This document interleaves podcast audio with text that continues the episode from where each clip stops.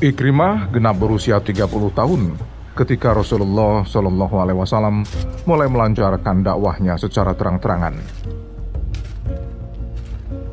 Ia seorang bangsawan Quraisy yang dihormati, kaya dan berasal dari keturunan yang mulia. Jika tidak terhalang oleh sikap ayahnya yang sangat keras menentang Islam, sejatinya ia akan menyambut dakwah Rasulullah seperti putra-putra Mekah yang berpandangan luas dan maju.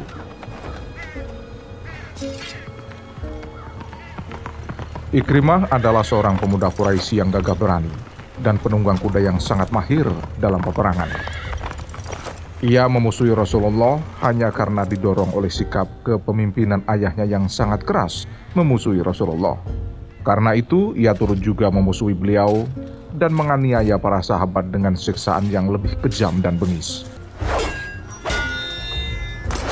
Ketika memimpin perang Badar, Abu Jahal bersumpah kepada Lata dan Usa tidak akan kembali ke Mekah sebelum Nabi Muhammad dan kaum muslimin musnah.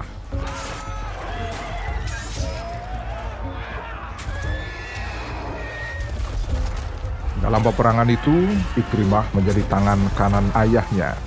Tapi ternyata yang terjadi justru sebaliknya. Kaum Quraisy kalah telak dalam peperangan itu Bahkan Abu Jahal sendiri meninggal dunia di hadapan anaknya.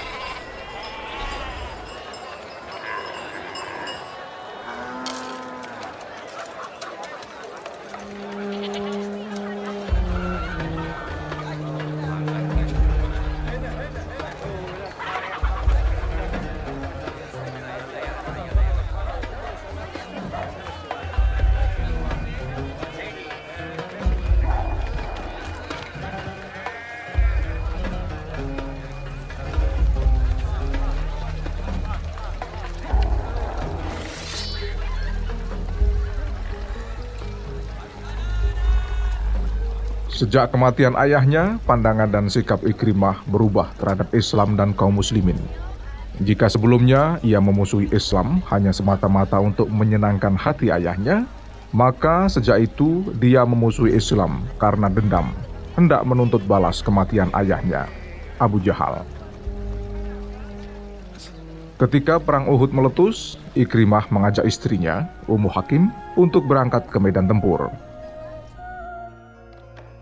Istrinya berbaris bersama wanita Quraisy lainnya di belakang pasukan sambil menabuh genderang untuk membangkitkan semangat para prajurit agar tidak lari dari medan tempur.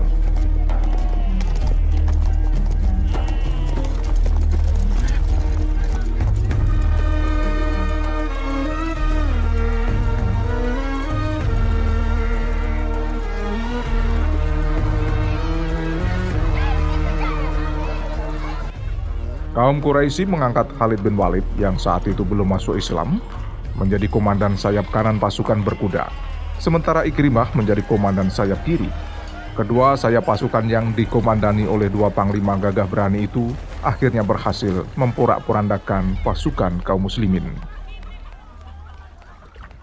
Ketika pembebasan kota Mekah, kaum Quraisy memutuskan tidak menghalangi Rasulullah memasuki kota itu. Mereka tahu Rasulullah telah memerintahkan para panglimanya untuk tidak memerangi penduduk Mekah, kecuali orang-orang yang melawan. Namun Ikrimah dan beberapa orang yang sepaham dengannya tidak mengindahkan keputusan itu. Mereka nekat menyerbu pasukan kaum muslimin. Sayang sekali, mereka langsung berhadapan dengan pasukan Khalid bin Walid yang dengan mudah dapat mematahkan perlawanan mereka di samping korban tewas, ada juga yang berhasil melarikan diri. Di antara mereka yang kabur adalah Ikrimah bin Abu Jahal. Ikrimah menyesal telah mengadakan perlawanan itu. Mekah kini tidak lagi aman baginya. Rasulullah memaklumkan amnesti bagi kaum Quraisy atas sikap mereka memusuhi kaum muslimin sebelum hari pembebasan. Nama Ikrimah tercantum dalam urutan pertama daftar mereka yang dihukum. Karena itu, ia segera melarikan diri dari kota Mekah dengan sembunyi-sembunyi. Dia tinggal di Yaman karena memang tidak ada tempat aman baginya kecuali negeri itu. Sementara itu, Ummu Hakim, istri Ikrimah, dan sepuluh wanita Quraisy menghadap Rasulullah Shallallahu Alaihi Wasallam. Mereka memohon pengampunan dan segera menyatakan baiat kepada beliau. Dalam pertemuan itu, Ummu Hakim memintakan pengampunan untuk suaminya kepada Rasulullah. Permintaannya itu diperkenankan oleh Rasulullah. Ikrimah aman, begitu kata beliau saat itu. Setelah mendapat jaminan keamanan, Ummu Hakim lalu mencari suaminya. Setelah berbulan-bulan mencari, akhirnya Ummu Hakim berhasil menemukan suaminya di pantai Laut Merah. Saat itu Ikrimah sedang berbincang-bincang dengan pelaut muslim untuk membawanya ke seberang. Saya akan mengantar kamu ke seberang jika kamu bersedia masuk Islam, begitu kata si pelaut. Bagaimana caranya saya masuk Islam? Tanya Ikrimah. Ucapkanlah, Asyadu an la ilaha illallah wa asyadu anna Muhammad Rasulullah. Begitu, kata si pelaut. Saya lari dari Mekah justru karena kata-kata itu.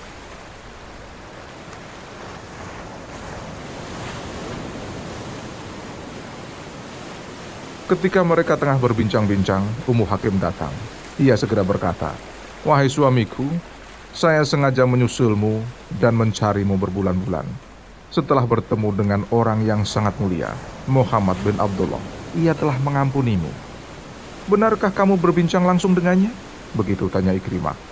Ya, beliau tidak menghukummu dengan hukuman apa pun. Keduanya lalu berbicara panjang lebar sehingga hati Ikrimah menjadi sangat tentram. Akhirnya ia bersedia kembali ke Mekah.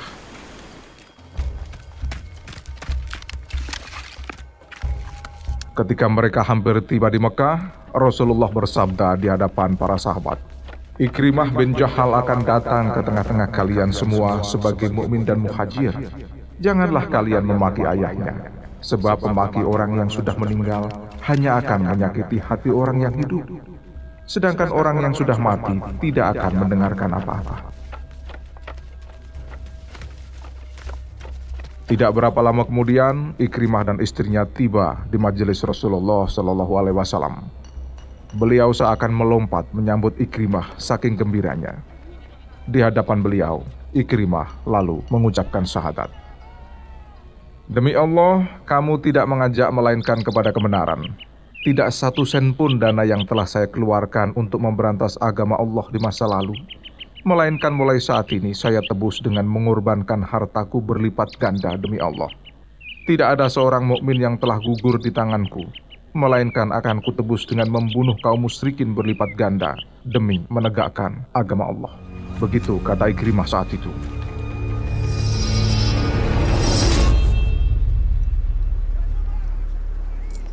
Dan ia menepati janjinya. Setelah masuk Islam, ia menjadi seorang hamba yang rajin beribadah. Sering ia menangis dengan air mata berlinangan, merenungi ayat-ayat suci Al-Quran yang dibacanya.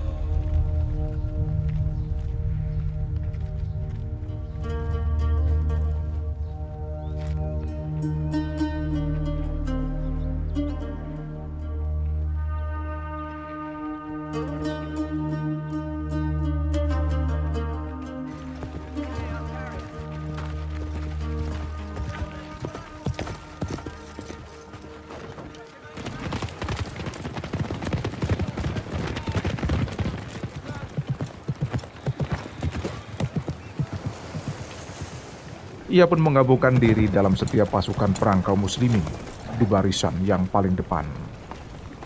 Ketika terjadi perang Yarmuk, Ikrimah maju berperang seperti kesetanan.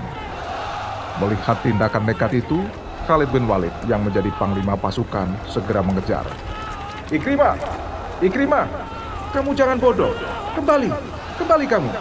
Karena kematianmu adalah kerugian besar bagi kaum muslimin. Namun Ikrimah tidak memperdulikan peringatan itu. Ia bahkan berkata dengan gagah, Biarkan saya ya Khalid, biarkan saya menebus dosa-dosa yang telah lalu. Saya telah memerangi Rasulullah dalam beberapa medan peperangan. Pantaskah setelah masuk Islam saya lari dari tentara Romawi ini? Tidak. Sekali lagi tidak. Kemudian ia berteriak, Hei kaum muslimin, siapa yang bersedia mati bersama saya? Beberapa orang segera melompat ke samping Ikrimah.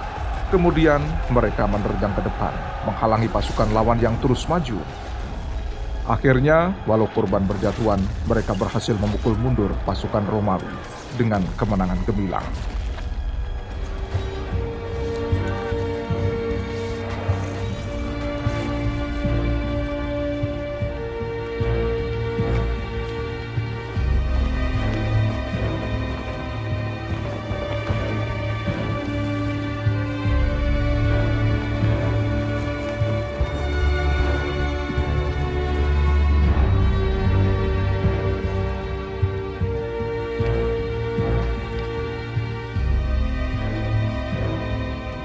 Di akhir pertempuran, di bumi Yarmuk berjejer tiga mujahid muslim terkapar dalam keadaan kritis. Mereka yang menderita luka-luka sangat parah itu adalah Al-Harith bin Hisham, Ayasi bin Abi Rabi'ah, dan Ikrimah bin Abu Jahal.